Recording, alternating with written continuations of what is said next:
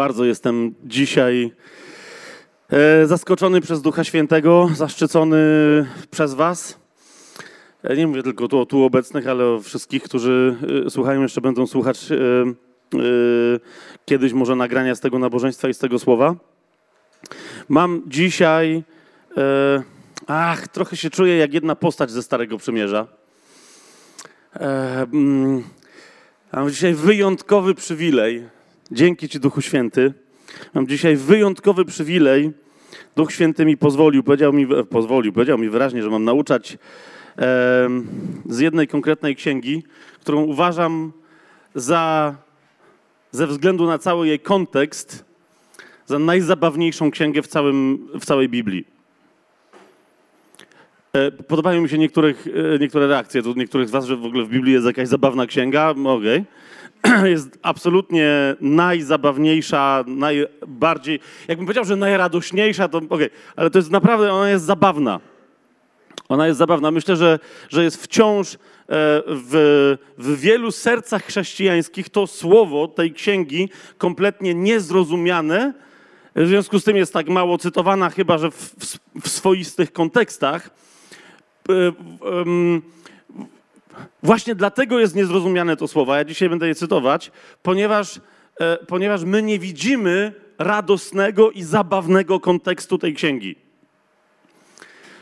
E, A dzisiaj e, akurat z tej księgi nie mam najzabawniejszego momentu do zacytowania, tylko najbardziej pocieszający, najbardziej pokrzepiający fragment.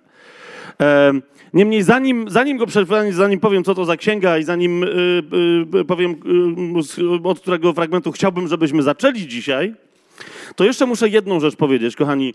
E, ja bym bardzo chciał, ale nie żartuję teraz. Więc jak za chwilę sobie pomyślicie, okej, gość nas wkręcił e, i to, są, to były żarty e, średnio udane, ja, ja nie żartuję. Będziemy cytować żartobliwe teksty, które zmierzają do bardzo poważnej, ale pokrzepiającej i pocieszającej puenty. I kiedy powiedziałem, że będę cytować Biblię, z Biblii y, księgę, która jest zabawna, to nie żartowałem. Natomiast, natomiast, niech to będzie też dla nas pewnego rodzaju test, bo jeżeli w tym fragmencie, który teraz przeczytam, który, jak powiadam, jest pocieszający i pokrzepiający na sposób nowotestamentowy, jeżeli przeczytam ten fragment i mam taką propozycję, obserwuj w swoim sercu, co się tam będzie działo, kiedy będę czytać, zanim sobie jeszcze cokolwiek wyjaśnimy. Czy ten fragment cię pociesza, czy cię pokrzepia, czy cię buduje, czy cię motywuje i mówisz, wow, super, czy mówisz, mm, albo czy może się pojawi w Twoim sercu nostalgia? Co jest grane? Bo to, ci to jest test, który ci pokaże, jak mnóstwo innych fragmentów w Biblii, których zadaniem jest pocieszać, pokrzepiać, budować, motywować, podnosić nas i posyłać do boju, jak być może wiele innych fragmentów tego w Twoim życiu nie robi, bo masz nałożone filtry niewłaściwe, nieboże filtry, nie pochodzące od Ducha Świętego, które przeinaczają to, co jest napisane w Słowie Bożym. Swoją drogą, ten fragment, który przeczytam ze Starego Testamentu, jest między akurat on nie jest jakoś za specjalnie zabawny, jak powiedziałem, cała księga jest zabawna. To jest puenta tej księgi i ta puenta jest budująca, radosna, między innymi dlatego, że jest najbardziej zbliżona do dobrej nowiny wyrażonej w Panu Jezusie i w całym Nowym Testamencie, jak go czytamy. Zatem zapraszam Was do Księgi Kaznodziei. Ja, nie, ja, ja naprawdę ja nie mogę. Za każdym razem, jak, jak ja sobie przypominam Księga Kaznodziei, marność nad marnościami, to jest z miejsca, rozumiecie, e, ja sobie wyobrażam, że to był taki moment w życiu, moment, może nie moment, może pewien okres w życiu e, Salomona, kaznodziei pańskiego, kiedy on postanowił, że już, e, już się naśpiewał, tak jak jego ojciec, już się napisał poezji trochę, już, e, już nawymyślał mądrości w Księdze Przysłów różne rzeczy zrobił, ale jeszcze nie był stand-uperem. I postanowił, żeby do niektórych ludzi dotrzeć, e, no właśnie taką formą literacką. Więc wychodził i głosił kazania, w ramach których jestem przekonany, że ludzie nie wiedzieli, czy mają się śmiać, czy mają płakać. I o co w ogóle chodzi? Tak? Bo zadaniem wtedy kaznodziei pańskiego, jak i dzisiaj, było pokrzepiać, pokrzepiać lud. Tak? A ten tymczasem, no właśnie, mówił marność nad marnościami. I jestem przekonany, że się śmiał. I to śmiechem zaraźliwym, i wszyscy się śmiali, a mówili, ale czekaj, ale zaraz, bo to, to jest dobra nowina? Zatem, kochani, Księga Kaznodziei, dwunasty rozdział. I to jest tekst na dzisiaj, który zaraz sobie rozwiniemy, a na końcu myślę, że on się nam zawrze w dwóch słowach, którymi myślę, że jest czas najwyższy, żeby chrześcijanie na powrót zaczęli się posługiwać. E, zwłaszcza, może, może nie na powrót, może pierwszy raz w życiu, żeby się zaczęli posługiwać i do końca swojego życia, żeby się zaczęli, zaczęli tymi dwoma słowami posługiwać, żeby się pocieszać, pokrzepiać, zachęcać, mówić: hej, będzie jeszcze gorzej, yo! Dobrze, Brajni się śmieje, to jest dobrze. Dwunasty rozdział, dwunasty rozdział Księgi Kaznodziei Pańskiego, czy Kocheleta, jak ją tam macie nazwaną, czytam od pierwszego wersetu. To jest ten niezwykle nowotestamentowy, nieprawdopodobnie pokrzepiający fragment. I jeszcze raz ci mówię, jak będę czytać, obserwuj emocje swojej duszy, co się dzieje w Twoim sercu, ponieważ to może być, być może najważniejsza rzecz, którą dzisiaj Duch Święty zrobi w Twoim sercu. Mianowicie powie Ci, e, skoro to jest pocieszające słowo, a ono Ciebie na przykład zasmuca, skoro mamy wiosnę, wszystko zaczyna kwitnąć, kwarantanna się luzuje, rozumiecie, same takie, a tymczasem pod wpływem tego Słowa Bożego robi Ci się późna jesień, Zaczynają się przymrozki, jest kompletna plucha, rozumiesz, dzień się staje krótszy. To co się dzieje? Bo jeszcze raz powtarzam, to słowo jest pokrzepiające i dzisiaj to udowodnię, że jest absolutnie nowoprzymierzowe. Więc Księga Kaznodziei, 12 rozdział, od pierwszego wersetu. Pamiętaj o swoim Stwórcy w dniach swojej młodości. W innych tłumaczeniach będziecie mieli, myślę, że, bo ja korzystam z UBG, całkiem słusznie tłumaczenie e, w kwiecie swojego wieku na przykład, tak? Że nie jak jesteś zupełnie nastolatkiem, tylko po prostu jak możesz żyć pełnią życia. Pamiętaj więc o swoim Stwórcy w dniach swojej młodości, w kwiecie swojego życia, zanim nastaną złe dni i przyjdą lata, o których powiesz, nie podobają mi się. Zanim zaćmią się słońce, światło, księżyc i gwiazdy, a chmury powrócą po deszczu. W dzień, w którym trząść się będą stróże domu i pochylą się silni mężczyźni. Ustaną mielący, gdyż będzie ich mało i zaćmią się patrzące przez okna. I zamkną się drzwi na ulicę. Gdy odgłos mielenia już osłabnie, gdy będzie się wstawać na głos ptaków i przycichną wszystkie córki śpiewające. Gdy też będą się bać wysokich miejsc i lękać na drodze, kiedy zakwitnie drzewo migdałowe i szarańcza będzie ociężała i pragnienie nawet ustanie, bo człowiek będzie szedł do swojego wiecznego domu, a tylko płaczący będą chodzić po ulicach. Zanim się zerwie ten srebrny sznur i stłucze złota czasza, zanim rozbije się dzban u źródła i złamie się koło do czerpania przy studni. Wtedy bowiem proch powróci do ziemi, jak nią był, a duch powróci do Boga, który go dał. Marność nad marnościami, mówi kaznodzieja. Wszystko to marność.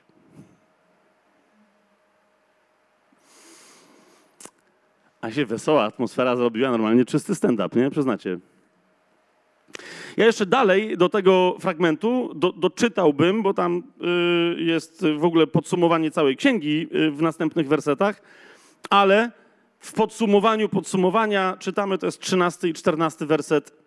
Wysłuchaj podsumowania wszystkiego. Bój się Boga i przestrzegaj Jego przykazań ponieważ to jest cały obowiązek człowieka. Bóg przywiedzie bowiem każdy uczynek na sąd, nawet każdą rzecz utajoną, czy dobrą, czy złą.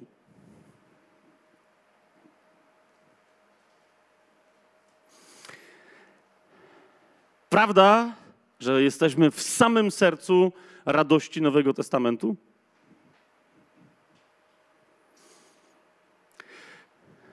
W, w, zasadzie, zaraz przeczytam jeszcze jeden fragment, i w zasadzie, ja, czy, przeczytawszy ten drugi fragment, mógłbym skończyć.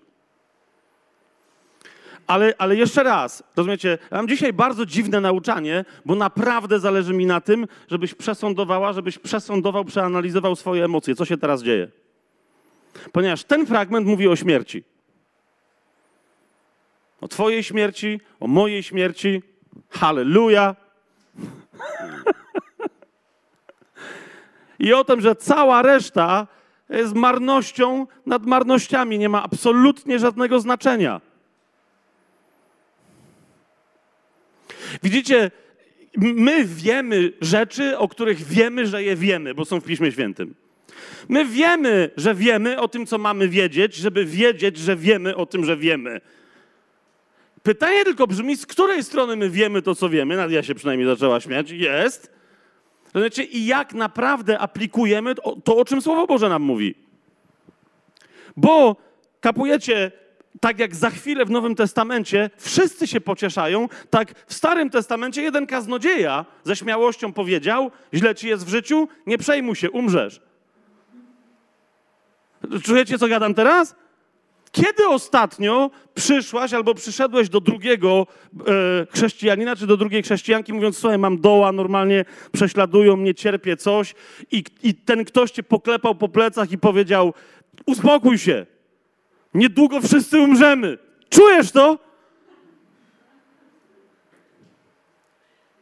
Ja, no, i zaczęliście się śmiać, tylko mam nadzieję, że trochę przez łzy ponieważ jak większość białych, europejskich lub amerykańskich charyzmatycznych chrześcijan, nie mamy takich reakcji, jak ktoś do nas przychodzi, żeby go pocieszyć. Nie, nie mówimy mu, przypomnij sobie o ostatecznym Bożym rozwiązaniu. To życie naprawdę to jest krótkie. Rozumiesz? Czymże jest jakakolwiek nędza tego, w czym teraz się znajdujemy, wobec chwały w wieczności, jaką Pan dla nas przygotował.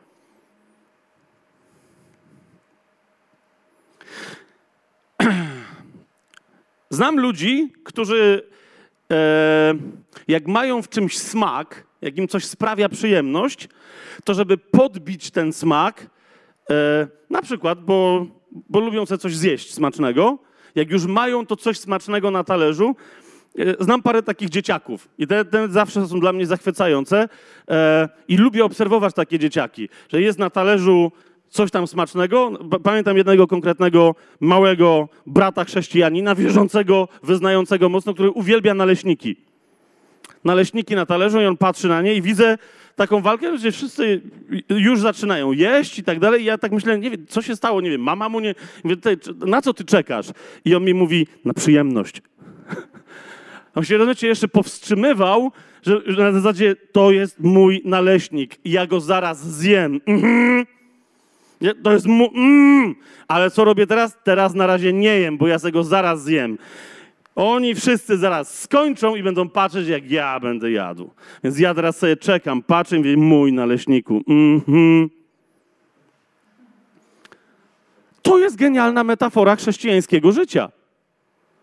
Przecież dla nas umrzeć to zysk. A po co żyć? No bo jeszcze dla was to jest konieczne. jak mówi Paweł.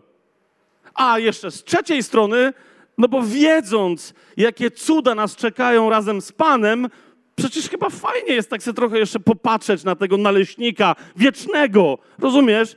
Z bitą śmietaną, czy tam z powidłami, czy z czym lubisz. To chyba fajnie by tak odczekać trochę, no nie?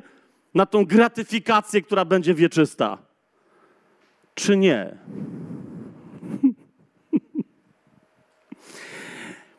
Jeszcze raz przeczytałem Księgę Kaznodziei. Pamiętam, że e, kiedyś, e, jak właśnie zacząłem na tylko i wyłącznie tej bazie nauczać, to wręcz ktoś mi przerwał i mówi, zaraz, zaraz, mówi, ale to jest w ogóle, to nie ma nic wspólnego z Nowym Testamentem. Co to ma, co to ma wspólnego? Jakieś studnie się psują, jakieś się rzeczy urywają, jakieś sznury się rozczasają. Co, się, co to ma wspólnego? Dobra nowina jest dobra. Pan Jezus wróci. Super, jest elegancko. Yy, to jest prawda? To jest prawda. Yy, I na przykład, jak Pan Jezus wróci i już zrobi nową ziemię, to już nie będzie morza. Także, nie wiem, korzystajcie jeszcze, bo pewnych rzeczy już nie będzie. Piotr, jak sobie otworzymy jego drugi list, w pewnym momencie zaznacza, jak, jak, czytam e, grecki tekst, to widzę, że z taką nieskrywaną radością w zasadzie, że się wszystko skończy. Mówi, trochę szkoda, ale me, tam strata jakaś. To jest drugi list Piotra, trzeci rozdział. Od dziewiątego wersetu będę czytał. On mówi tak: Nie zwleka Pan ze spełnieniem obietnicy, jak niektórzy uważają, że zwleka. Ale okazuje względem nas cierpliwość, nie chcąc, aby ktokolwiek zginął, lecz aby wszyscy doszli do pokuty. A jak złodziej w nocy przyjdzie dzień Pana, w którym niebiosa z wielkim hukiem przeminą żywioły rozpalone ogniem stopią się, a ziemia i dzieła, które na niej są, spłoną. To jest to. Bardzo przeze mnie ceniony i szanowany nauczyciel Słowa Bożego Chuck Mister powiedział, że choćby wobec tego jednego słowa, ale, ale Pan to potwierdza w wielu innych miejscach w Biblii, on mówi, w zasadzie chyba jedynym dziełem ludzkich rąk, które przetrwa i przejdzie na drugą stronę przez Armagedon, przez Dzień Pański, jedynym dziełem ludzkich rąk, które się ostanie i którego ogień nie zniszczy, będą rany na ciele Pana Jezusa. Bo On suwerennie postawił, że, postanowił, że je sobie zostawi. To zrobili ludzie. I to będzie jedyna rzecz, która po Dniu Pańskim nadal pozostanie z poprzednich wieków, ze starego wieku. Dzieło, które otworzyło eon, epokę łaski. Cała reszta spłonie. A zanim dojdzie do tego spłonięcia wszystkiego, w czym my twierdzimy jako chrześcijanie, że w ogóle nie pokładamy żadnych nadziei, to się pokończą wszystkie rzeczy niematerialne związane z tymi wszystkimi dziełami, które są wyrazem tego, co niematerialne, które spłoną. To tylko przypomniałem, żeby mieć podstawę słowa. Natomiast, kochani, przeczytam teraz fragment. Oczywiście. E, ja wiem, że jak ktoś y, regularnie słucha y, tu waszych nauczań i, i, i kazań, i nabożeństw, i słucha pieśni, i się modli razem z wami, to już wie, jaki fragment przeczytam. Tak samo jak wy już też pewnie wiecie, widzę, że wiecie, jaki fragment przeczytam, który jest prawie, że identyczny, no tylko innymi nieco słowy wyrażony, jak ten z Kocheleta, który przeczytałem. I ten fragment stanowi poza Ewangeliami czterema jedno z centralnych nauczań na temat tego, na czym polega dobra nowina. I jest prawie identyczny z Kocheletem, czy z Kaznodzieją. To jest drugi list do Koryntian. Jeszcze raz, pamiętacie, co tam było napisane, nie? Pamiętaj o swoim Stwórcy. Ponieważ kiedyś umrzesz, wszystko się skończy i halleluja, halleluja, staniesz przed Panem, a ono sądzi wszystkie twoje uczynki, dobre i złe. No to właśnie ten człowiek, który tam się podniósł i mi przerwał w momencie nauczania, powiedział, że to jest w ogóle niezgodne z Biblią. Przecież Pan Jezus wyraźnie powiedział, że kto wierzy w Niego, nie idzie na sąd. Prawda? Zgadza się. Nie idzie na ten sąd, na którym uczynki nie mają większego znaczenia. I o tym powiem za chwilę. Więc czytam paralelny fragment, to jest drugi do Koryntian, piąty rozdział, gdzie według mnie Paweł mówi o tym samym, o czym Kochelet, tylko Kochelet w Starym Przymierzu po prostu prorokuje w pewnym sensie po nauczycielsku, a Paweł wypowiada wprost, dlaczego fakt, że umrzemy, jest taki istotny, dlaczego przynosi taką nadzieję w nasze życie.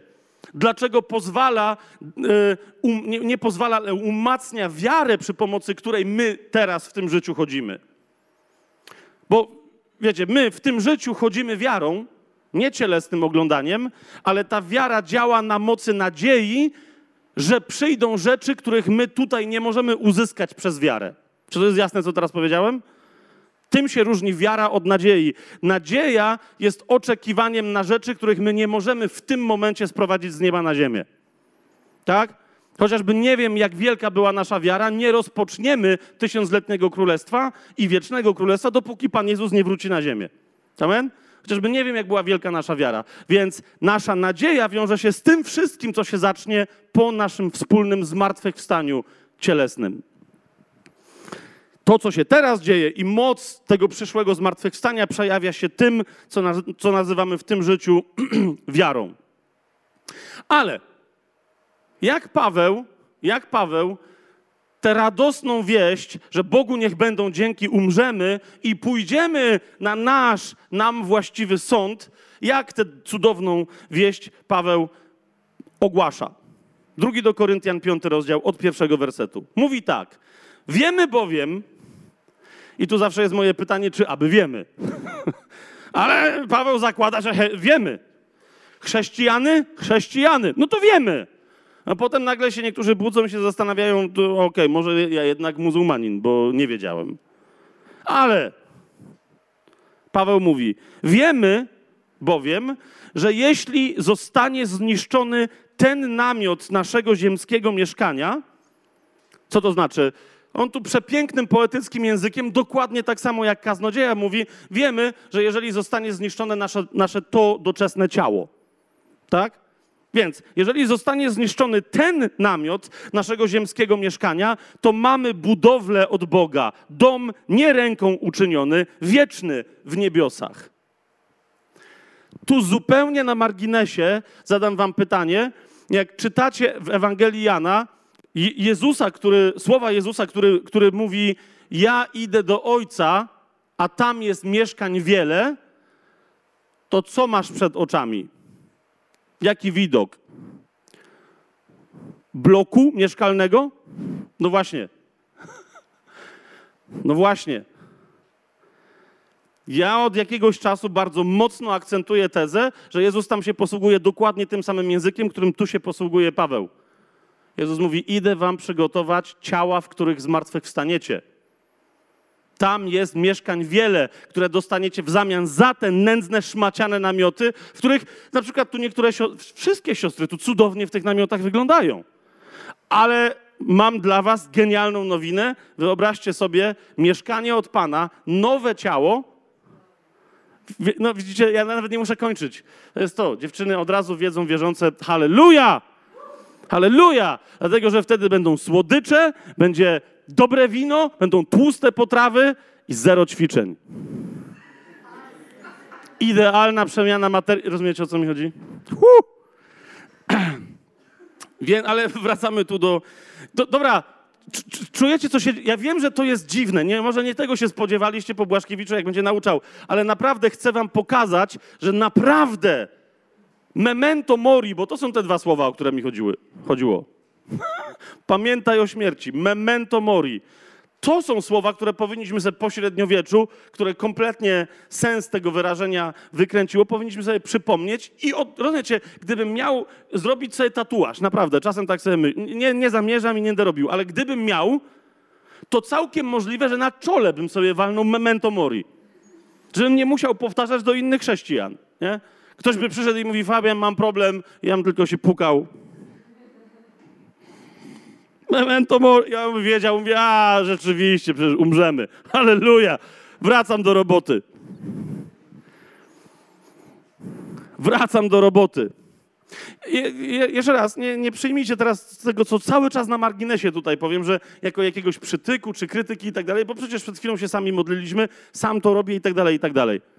Ale nie, nie sądzicie, że, że, że, że wtedy na przykład nasze ogłaszanie pewnych prawd, żeby się umocniła nasza wiara, gdybyśmy memento mori pamiętali o śmierci, wyglądałoby inaczej? Nie, nie sądzicie? Że ogłaszalibyśmy to wszystko, czego mamy absolutną, stuprocentową pewność, co jest genialne, nieśmiertelne i niezniszczalne, co nas czeka po naszym zmartwychwstaniu, a nie ogłaszalibyśmy woli Pana wobec tego wszystkiego tutaj w naszym życiu, co i tak się musi skończyć. Słyszycie, co mówię? Wtedy byśmy stali i mówili, Panie, ogłaszamy Ciebie.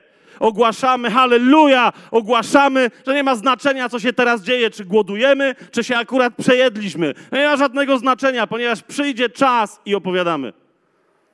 Coś, co jest absolutnie zgodne z prawdą. Panie, wiemy, że Ty tutaj teraz nas głodujących, albo nawet tych przejedzonych, kochasz, ale błogosławimy Ciebie i Twoją wolę wobec tego, co się stanie, jak nie tylko umrzemy, ale po swojej śmierci wrócimy do życia w nowych ciałach, w których będziemy żyli wiecznie z naszym Panem. Halleluja! Jakby to wzmocniło Kościół? Albo jakby obnażyło część Kościoła. Wiecie co, zanim, zanim będę kontynuować ten paralelny fragment, to jedna rzecz mi się przypomniała. Dzisiaj y, y, zaczęliśmy od jednej pieśni, z nawiasem mówiąc, którą uwielbiam, y, która jest no, prawie w zasadzie cytatem z ósmego rozdziału listu do Rzymian. Pamiętacie? Jestem pewien, ja teraz czytam z Biblii, bo ja nie, nigdy nie pamiętam y, tekstów piosenek, zwłaszcza jak one są wzięte z Biblii, ale to jest ósmy rozdział listu do Rzymian, 38 werset. I to śpiewaliśmy. Możesz to zanucić, jak to... Jak to, jak to... Otóż to, więc to jest list do Rzymian, ósmy rozdział, 38 werset, od tego dzisiaj zaczynaliśmy. Jestem bowiem pewien, że ani śmierć, ani życie, ani aniołowie, ani zwierzchności, ani moce, ani teraźniejsze, ani przyszłe rzeczy, ani wysokość, ani głębokość, ani żadne inne stworzenie nie będzie mogło nas odłączyć od miłości Boga, która jest w Jezusie Chrystusie, naszym Panu. Halleluja, tylko, tylko, tylko, zauważcie, że kontekst bezpośredni, bo Paweł tu mówi, bo jestem pewien, ale co bo? Bo on wcześniej mówi, z powodu ciebie przez cały dzień nas zabijają. Uważają nas za owce przeznaczone na rzeź. Więc w zasadzie to byłoby dobre tłumaczenie, z powodu ciebie przez cały dzień, codziennie, nie ma dnia, żeby ktoś nie chciał zarżnąć chrześcijanina, albo żeby go właśnie nie zarzynał w momencie, kiedy my śpiewamy. Mm. Teraz jakim cudem, jak, jak my się możemy tutaj teraz cieszyć? Jak się możemy cieszyć? Rozumiesz, kiedy w tym momencie nasi bracia i siostry głodują gdzieś tam, nie dlatego, że nie mają jedzenia, bo tacy, też są, ale na przykład głodują, ponieważ jak jakiś czas temu znowu w Sudanie muzułmanie otoczyli jedną wioskę i powiedzieli: wyjdą i dostaną jedzenie i picie tylko ci, którzy się wyrzekną Jezusa. I nikt z tej wioski nie wyszedł. Po paru dziesięciu dniach wszyscy byli martwi. Teraz rozumiecie, znowu powiedziałem coś i mówicie, okej, okay, no to nam gość zepsuł radość z uwielbienia. Nie, nie, nie, bo nie chodzi mi o to, że nam się nie wolno cieszyć. Tylko rozumiesz, wobec tego, kiedy my słyszymy o świadectwie męczenników, kiedy słyszymy o śmierci naszych braci i sióstr, dlaczego mimo tego wszystkiego, a wręcz powiedziałbym z tego właśnie powodu mamy prawo się cieszyć. Dlaczego?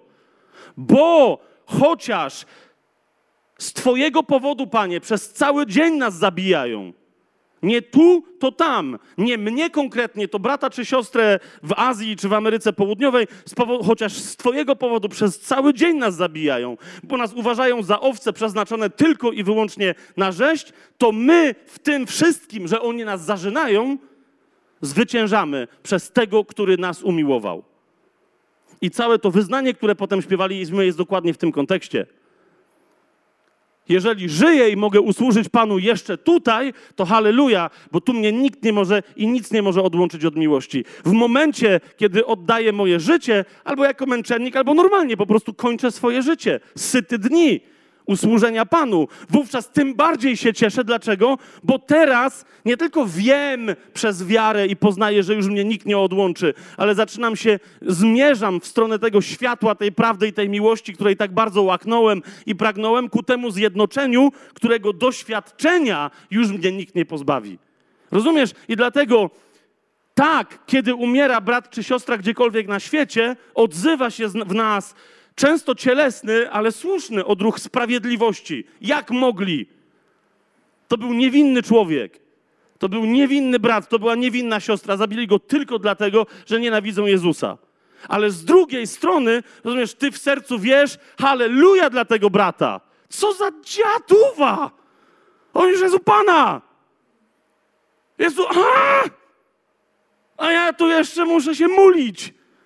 Okej, okay, Panie, halleluja, ale naprawdę gościu... Mm. Rozumiesz, cały czas trochę żartobliwie, mam nadzieję, że do końca się będziecie uśmiechać, ale o bardzo poważnych sprawach mówię. Dlaczego? Ponieważ my potrzebujemy w tych dniach przesądować swoje serce. A nie ma żadnego, żadnej innej sądy, jak tylko jak patrzymy na śmierć. Z której strony patrzymy na śmierć.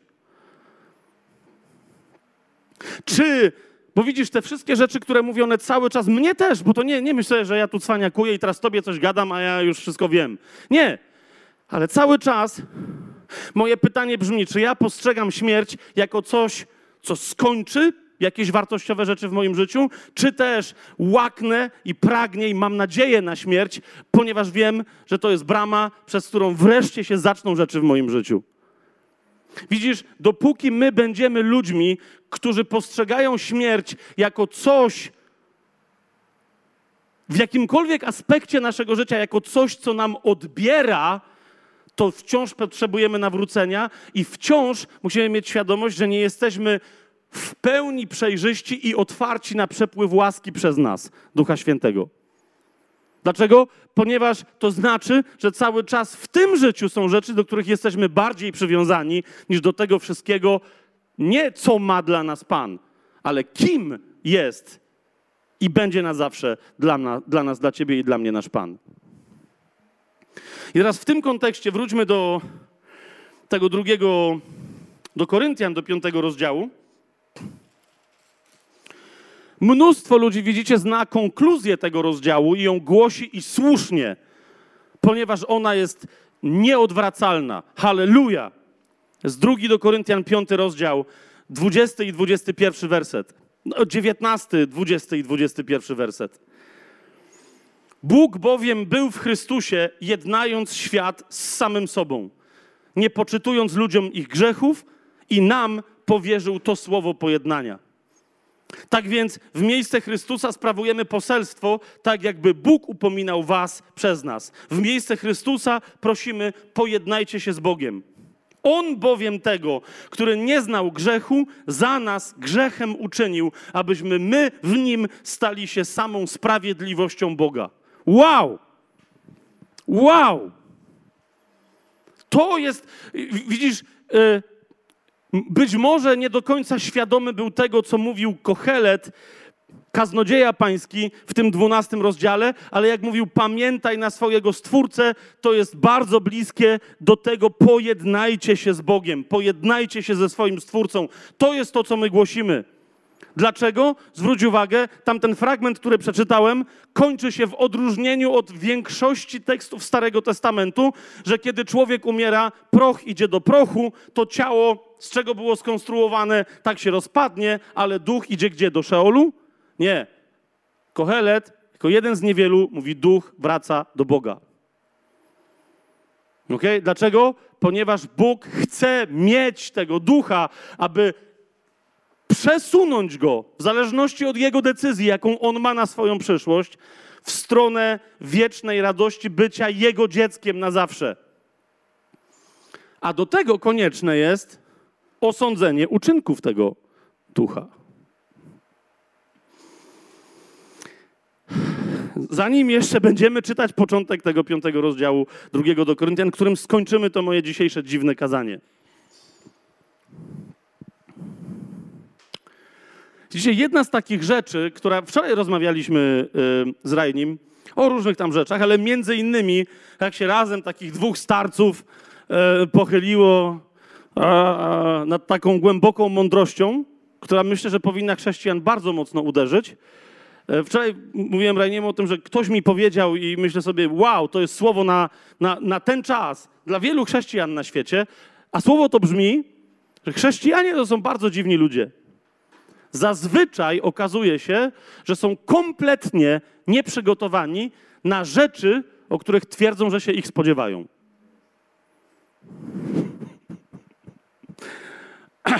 Wiecie o co mi chodzi? Dzisiaj mówimy o śmierci. Dzisiaj mówimy o śmierci. Każdy chrześcijanin, to jest to jak w Teksasie się czasem niektórzy z chrześcijan śmieją, wiecie, jacy są chrześcijanie w Teksasie, nie? I tam kiedyś, nawiasem mówiąc, też chrześcijanin e, powiedział mi, że on trochę nie lubi tych takich bardzo entuzjastycznych chrześcijan. Ja się go pytam, czemu? Ja też jestem entuzjastyczny. Mówi, mówi ja jestem zdroworozsądkowy Teksańczyk. I mówi, mnie to dziwi. Co? Mówi, że wszyscy mówią, że chcą pójść do nieba, a jakoś nikt nie chce umrzeć. To wie, jak oni tam chcą pójść? Oczywista sprzeczność.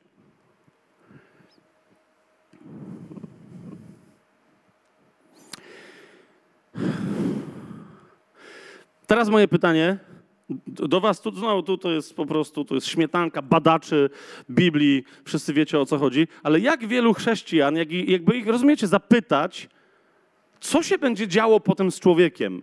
Ile, ile jest sądów ostatecznych? Pamiętam jakiś czas temu ktoś mnie zapytał, co sądzę na temat sądu ostatecznego. Ja go zapytałem, którego? Tam był taki, wiecie, taki wstrząs, taki, no jak to, no ostatecznego, ale którego? To są sądy ostateczne, różne dla różnych kategorii ludzi. Nie tylko dla ludzi, są różne sądy. I każdy z tych sądów bożych jest ostateczny. Na przykład stara ziemia, jak słyszeliśmy, zostanie w sposób ostateczny tak osądzona, że wszystko spłonie. I będzie nowa ziemia. Now... Stare niebo zostanie osądzone, tak że będzie nowe niebo. Już nic z tamtego nie zostanie. Nie? Ludzie, którzy są niezbawieni, trafią na pewien ostateczny sąd, na którym my mówimy, że dobrze, oni tam będą sądzeni, że to będzie sąd uczynkowy. No, no tak, to będzie sąd uczynkowy, ale tylko pod jednym względem i pod jednym aspektem uczynkowy. Mianowicie, jak złe były ich uczynki, jak szmaciane i jak zbrukane były ich nawet najlepsze uczynki. Człowiek niezbawiony może wykonywać uczynki, które w oczach innych ludzi są dobre, ale Słowo Boże mówi: wszystkie wasze uczynki, dopóki nie doświadczyliście tej zamiany z Chrystusem, że wy jesteście sprawiedliwością Bożą, a On wziął na siebie twoje grzechy, wszystkie twoje uczynki są jak zbrukana szmata. Wszystkie. Nawet dobre. Rozumiesz, ktoś idzie, oddaje życie. Ja wiem, że teraz dotykam świętości, ale o to mi chodzi. Znaczy, w cudzysłowie świętości. Ktoś idzie na wojnę, oddaje życie, bo kocha swoją ojczyznę. Rozumiesz, naszym chrześcijańskim dramatem jest, jeżeli on umiera niezbawiony. Dlaczego? Ponieważ Pan powie, dobra, fajnie, ale nadal załatwiałeś swoje rzeczy. To był dobry uczynek dla Twojej ojczyzny, dla Twoich pobratymców, dla kogoś, współtowarzyszy broni. Okej. Okay. Ale to nie był dobry uczynek w moich oczach, tylko mój osąd się liczy. Dobre uczynki mogą się zacząć tylko w momencie, kiedy ktoś nie musi ich wykonywać. Wiecie o co mi idzie? Na, na, tym polega nonsens wszystkich religii, które mówią, że ludzie mogą się zbawić przez swoje dobre uczynki. Jeżeli ktoś robi dobry uczynek, żeby się zbawić, to jest interesowny. A interesowny uczynek już nie jest dobry, bo dobry uczynek ma być bezinteresowny, tak? Proste. Każdy dobry uczynek, jeżeli nie jest wykonany w Panu i nie jest rozpoznany, że jest dobry, bo jest zgodny z wolą Bożą, jest jak zbrukana szmata. Dlaczego? Bo załatwia mój interes albo nawet czyjś interes. Bo mam żonę i kocham żonę. Jeżeli jestem niezbawiony i mam żonę i chcę, żeby jej było lepiej w życiu, to nadal to jej interes, to jest mój interes i tak dalej. Zaraz jeszcze do tego dzisiaj przejdę. Do takich naturalnych rzeczy, w których, rozumiesz, my nadal mówimy, no ale to jest naturalne, że ja się muszę zająć dziećmi, żoną, rodziną, czymś tam. Serio? Tak po staremu? Taka jest wola Boża? I potem staniesz i powiesz, panie, no ale przecież to jest oczywiste. Rozumiesz, jeżeli ktoś jest chrześcijaninem i jego życie niczym się nie różni od życia niechrześcijanina, to znaczy, że to jest ktoś, kto może jest nowonarodzony, ale jeszcze daleko mu do nawrócenia. Nie wierzę w to, po prostu nie wierzę w to, kochani, że ludzie się y, rodzą na nowo, przyjmują dobrą nowinę. Po co? Po to, żeby potem żyć życiem, które się nie różni od życia człowieka niezbawionego pod żadnym względem. Tak samo chodzą do pracy, tak samo mają rodzinę, tak samo mają problemy, tak samo przechodzą depresje, wzloty i upadki, tak samo oglądają te same programy w telewizji, tak samo pod koniec przechodzą na emeryturę i potem umierają. Serio?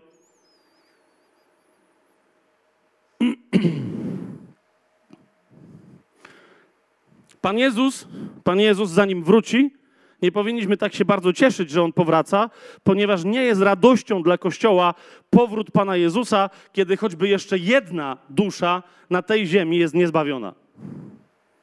I jak słyszę ludzi, którzy, którzy dzisiaj mówią halleluja, jesteśmy podekscytowani, Pan powraca, to zawsze ich pytam, ja to rozumiem, ale Pan powraca, rozumiesz, i, i kto jest zbawiony na tym świecie? Kto jest zbawiony w Polsce? Z czym my staniemy przed Nim? To jest nadal, rozumiecie, to jest nadal to spojrzenie, w ramach którego my patrzymy na śmierć, ale widzimy siebie z tej strony bardziej niż z tamtej. My mówimy, halleluja, Pan powraca, maranata, przyjdź Panie Jezu. Po co? Bo mi to coś da. Ale Pan Jezus jak wróci, rozumiesz, da ci na pewnych zasadach. Drugi do Koryntian, piąty rozdział. Wiemy bowiem, od pierwszego wersetu czytam, Wiemy bowiem, że jeśli zostanie zniszczony ten namiot naszego ziemskiego mieszkania, to mamy budowlę od Boga. Dom nie ręką uczyniony, wieczny w niebiosach. Dlatego w tym, w tym namiocie, w tym ciele wzdychamy, pragnąc przyodziać się w nasz dom z nieba. Kościół, który woła Maranata, przyjdź Panie Jezu, który jednocześnie nie jest kościołem wzdychającym, przyjdź Panie Jezu i wskrześ nas, bo już mamy dosyć tych ciał, chcemy mieć te, które są nie ręką uczynione, przez Ciebie dla nas stworzone, jest, jest kościołem, który ma schizofrenię. Jest kościołem w najlepszym wypadku, który nie ma schizofrenii, ale który jest nieprzygotowany na to, czego się spodziewa. Bo nie można oczekiwać przyjścia Pana Jezusa, żeby jednocześnie nie oczekiwać wszystkiego tego, co to przyjście oznacza. Idziemy dalej. Dlatego w tym ciele wzdychamy, pragnąc przyodziać się w nasz dom z nieba. Jeżeli tylko zostaniemy znalezieni odziani, a nie nadzy.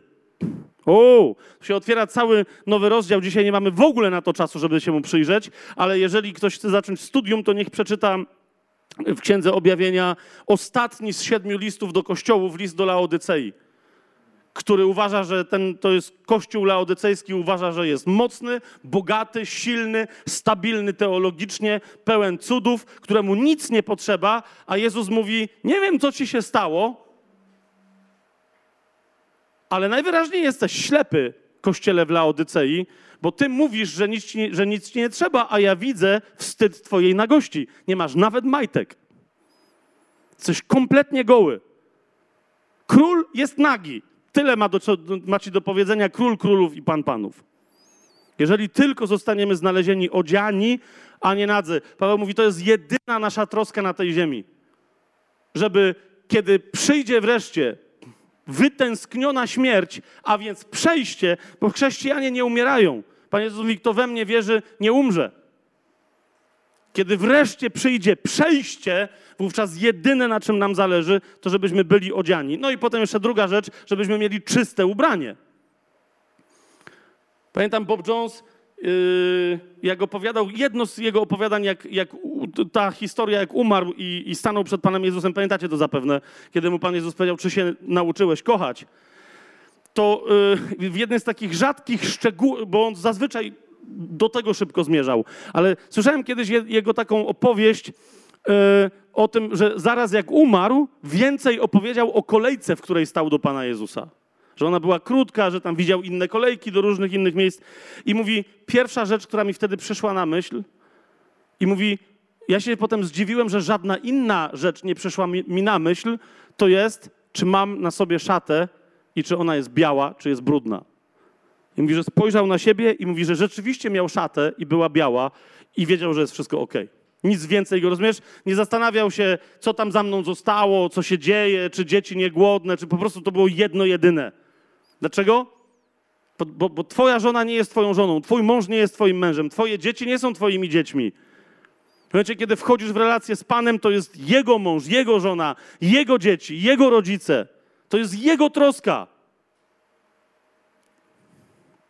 Czwarty werset. Bo my, którzy jesteśmy w tym namiocie, wzdychamy obciążeni, ponieważ nie pragniemy być rozebrani, ale przyodziani.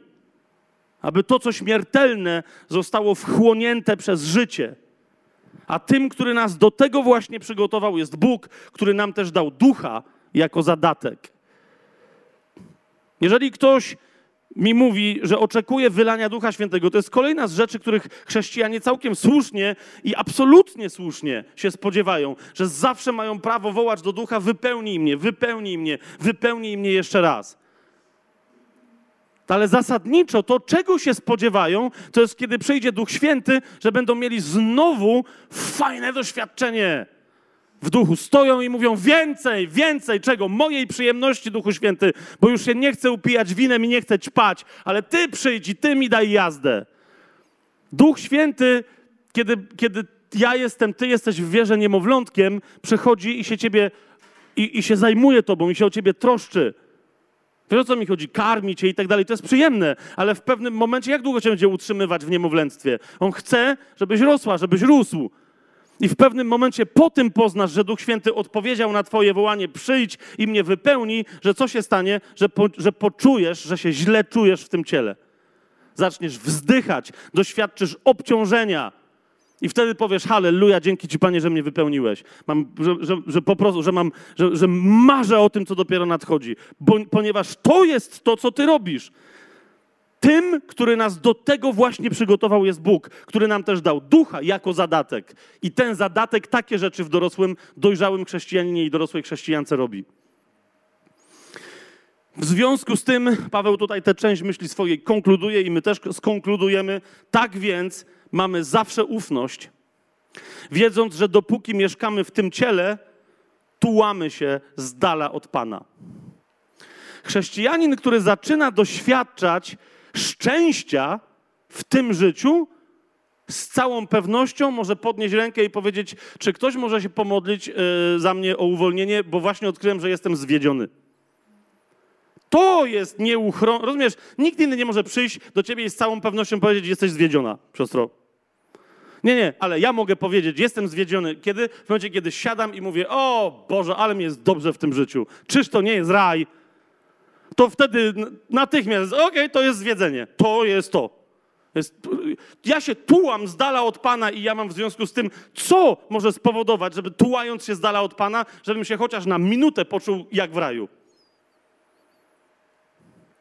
Przez wiarę bowiem kroczymy, a nie przez widzenie. I, I, dlatego Paweł mówi, jak, właśnie dlatego sąduj swoją wiarę. Bo jak nie, to cała reszta rzeczy, które nazywasz wiarą, które ci pozwalają na to, żeby się cieszyć swoim życiem bez tego, bez tego mierzenia w tle, że ale ja się tułam z dala od Pana, to, to, nie jest, to, to nie jest wiara. Dlatego też mamy jednak ufność.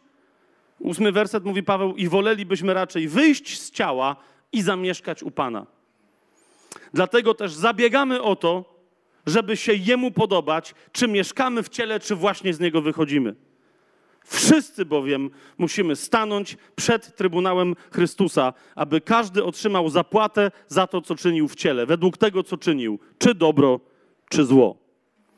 Trybunał Chrystusa, sąd, realny sąd uczynkowy jest przeznaczony tylko i wyłącznie dla chrześcijan. Dlaczego? Ponieważ na ten inny sąd ostateczny trafiają ludzie, którzy mają jeden grzech na sumieniu. Mianowicie, że nie uwierzyli w Syna Bożego. Ewangelia Jana 3,16 i wszystkie następne wersety. Kto jest potępiony? Ten, kto nie uwierzył, już jest potępiony. Nie musi umrzeć, nie musi iść do żadnego piekła. On już chodzi w potępieniu. Rozumiesz?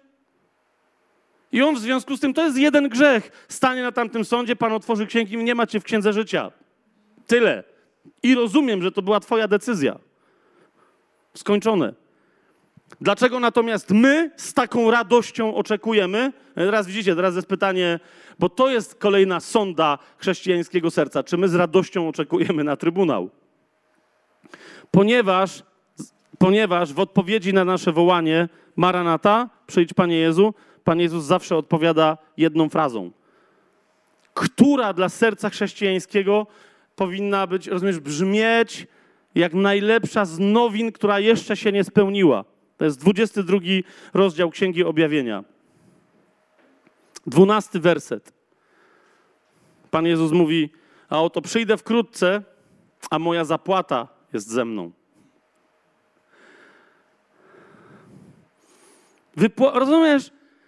To, na co my czekamy, i to oznacza de facto śmierć. I potem wszystko, co dalej, to jest dokładnie to, co, co, każdy, kto ciężko fizycznie pracuje w jakikolwiek inny sposób, to jest dokładnie to uczucie, którego na miastkę mają wszyscy, którzy ciężko pracują i w pewnym momencie słyszą fajrant. A zaraz po fajrant ktoś mówi wypłata! Dzisiaj jest wypłata! Bo jest ten dzień w miesiącu, jest wypłata! O, widzę, że jest pocieszenie na twarzach. Rzeczywiście, fajrant, wypłata. Halleluja! Chyba, że jestem chrześcijaninem, który się obija, który jest łazęgą, który jest leniem, który jest gnuśny, który tylko woła, halleluja, kocham Cię, Panie Jezu, pod warunkiem, że Tu mi dajesz. Dlaczego? Ponieważ wtedy, ponieważ wtedy, myśląc, że boisz się śmierci, nie boisz się śmierci. Ale nie wiesz, co się stanie, kiedy Pan Jezus zacznie podliczać, ile ma Ci wypłacić. Masz życie wieczne. Rozumiesz, że ja nie o tym mówię. Masz życie wieczne, żeby potem nie było, że masz życie wieczne. I nie jest to teraz kwestia, o, czyli będzie hierarchia w królestwie. Oczywiście, że będzie hierarchia, ale najwyżsi będą kochać tych, co, co będą niżej i odwrotnie, ponieważ to nie będzie ludzka hierarchia, to będzie hierarchia w duchu. Będą ludzie bliżej i dalej od Boga. Nie będzie żadnej demokracji w niebie i na nowej ziemi. Sęk tylko w tym, rozumiesz, że kiedy staniemy przed Panem, i, i spojrzymy mu w oczy, bo ja o tym mówię, serce chrześcijanina wtedy zostanie uwolnione od wszystkich pseudomiłości, którymi zostało omamione. Spojrzysz w te oczy i powiesz, ja pierdzielę, Panie Jezu, ja Cię kocham. Może nawet gorzej se wtedy powiesz. Przepraszam was za, że, za to ja pierdzielę, ale chodzi mi o to, że naprawdę niektórzy powiedzą, ja pierdzielę. Rozumiesz, bo to będziesz wiedzieć, że czas naprawdę był krótki. Że Pan Jezus, jak mówił, odkupujcie dni, odkupujcie czas, bo dni są złe, to naprawdę miał coś sensownego na myśli. Że to się, rozumiesz, to jest tyle, to się skończyło i nagle spojrzysz w te oczy i to nie jest to, że nagle Pan Jezus powie, no niestety mam małą wypłatę, bo, nie, rozumiesz, bo wypłata co oznacza? Uczciwe podsumowanie tego, jak naprawdę Go kochało moje serce. Ile, ile miałem na ustach mówienie, Panie Jezu, ja Cię kocham, a ile naprawdę Go umiłowałem. Rozumiecie, o co mi chodzi? Pan Jezus będzie musiał uczciwie powiedzieć, powie mi Fabian, to, to jest Twoja zapłata. Ja Ciebie kocham w sposób nieskończony, ale to jest Twoja zapłata. Ty mnie za swojego życia, kiedy wyznawałeś, co wyznawałeś, ukochałeś tylko tak.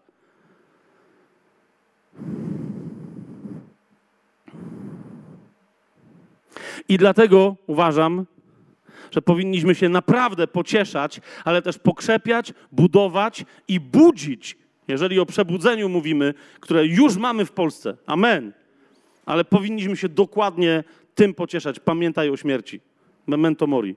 Jest ci źle, pamiętaj o śmierci. To wszystko to jest marność. Nie masz, mówisz, no ale to jest za trudne, Pan na mnie nałożył ciężar. Jeszcze raz, pamiętaj o śmierci. Rozumiesz, kiedyś Pan ci spojrzy w oczy i powie, jestem z ciebie dumny. Ale jestem z ciebie dumny. Esti, ale jestem z ciebie dumny, powie. Ile znam kobiet, które miały dokładnie to samo co ty i powiedziały: Olewam, gdzie jest Pan, który ma mi błogosławić? A ty powiedziałaś: Wiem, że Pan mi błogosławi, a jak mi nie błogosławi, to ja go błogosławię. I wtedy Pan przyjdzie i ci pobłogosławi i powie: Dobra, już tam się nie rzucaj, no nie? Dokładnie o to mi chodziło, dokładnie o to mi chodziło. Memento mori. Pamiętaj, umrzemy już niedługo wszyscy, halleluja, umrzemy. nie mogę się doczekać. Nie mogę się doczekać, ale póki jeszcze nie umieramy, budujmy się nawzajem dokładnie tym, żebyśmy byli ludźmi, którzy się cieszą dopiero tym, co nadciąga, bardziej niż tym, co tutaj. I żebyśmy się cieszyli, kiedy zobaczymy brata i siostrę, który będzie wzdychał, Podejdziesz i mówisz, bracie, dół, mam ci pomóc, a on powie, nie, czekam na Pana. Rozumiesz, i widzisz łzę w jego oku i drugą. I on wzdycha im, przyjdź Panie Jezu. I ty mówisz, jest dobrze. I też płaczesz razem z nim, mówisz, halleluja, maranata. Niedługo umrzemy.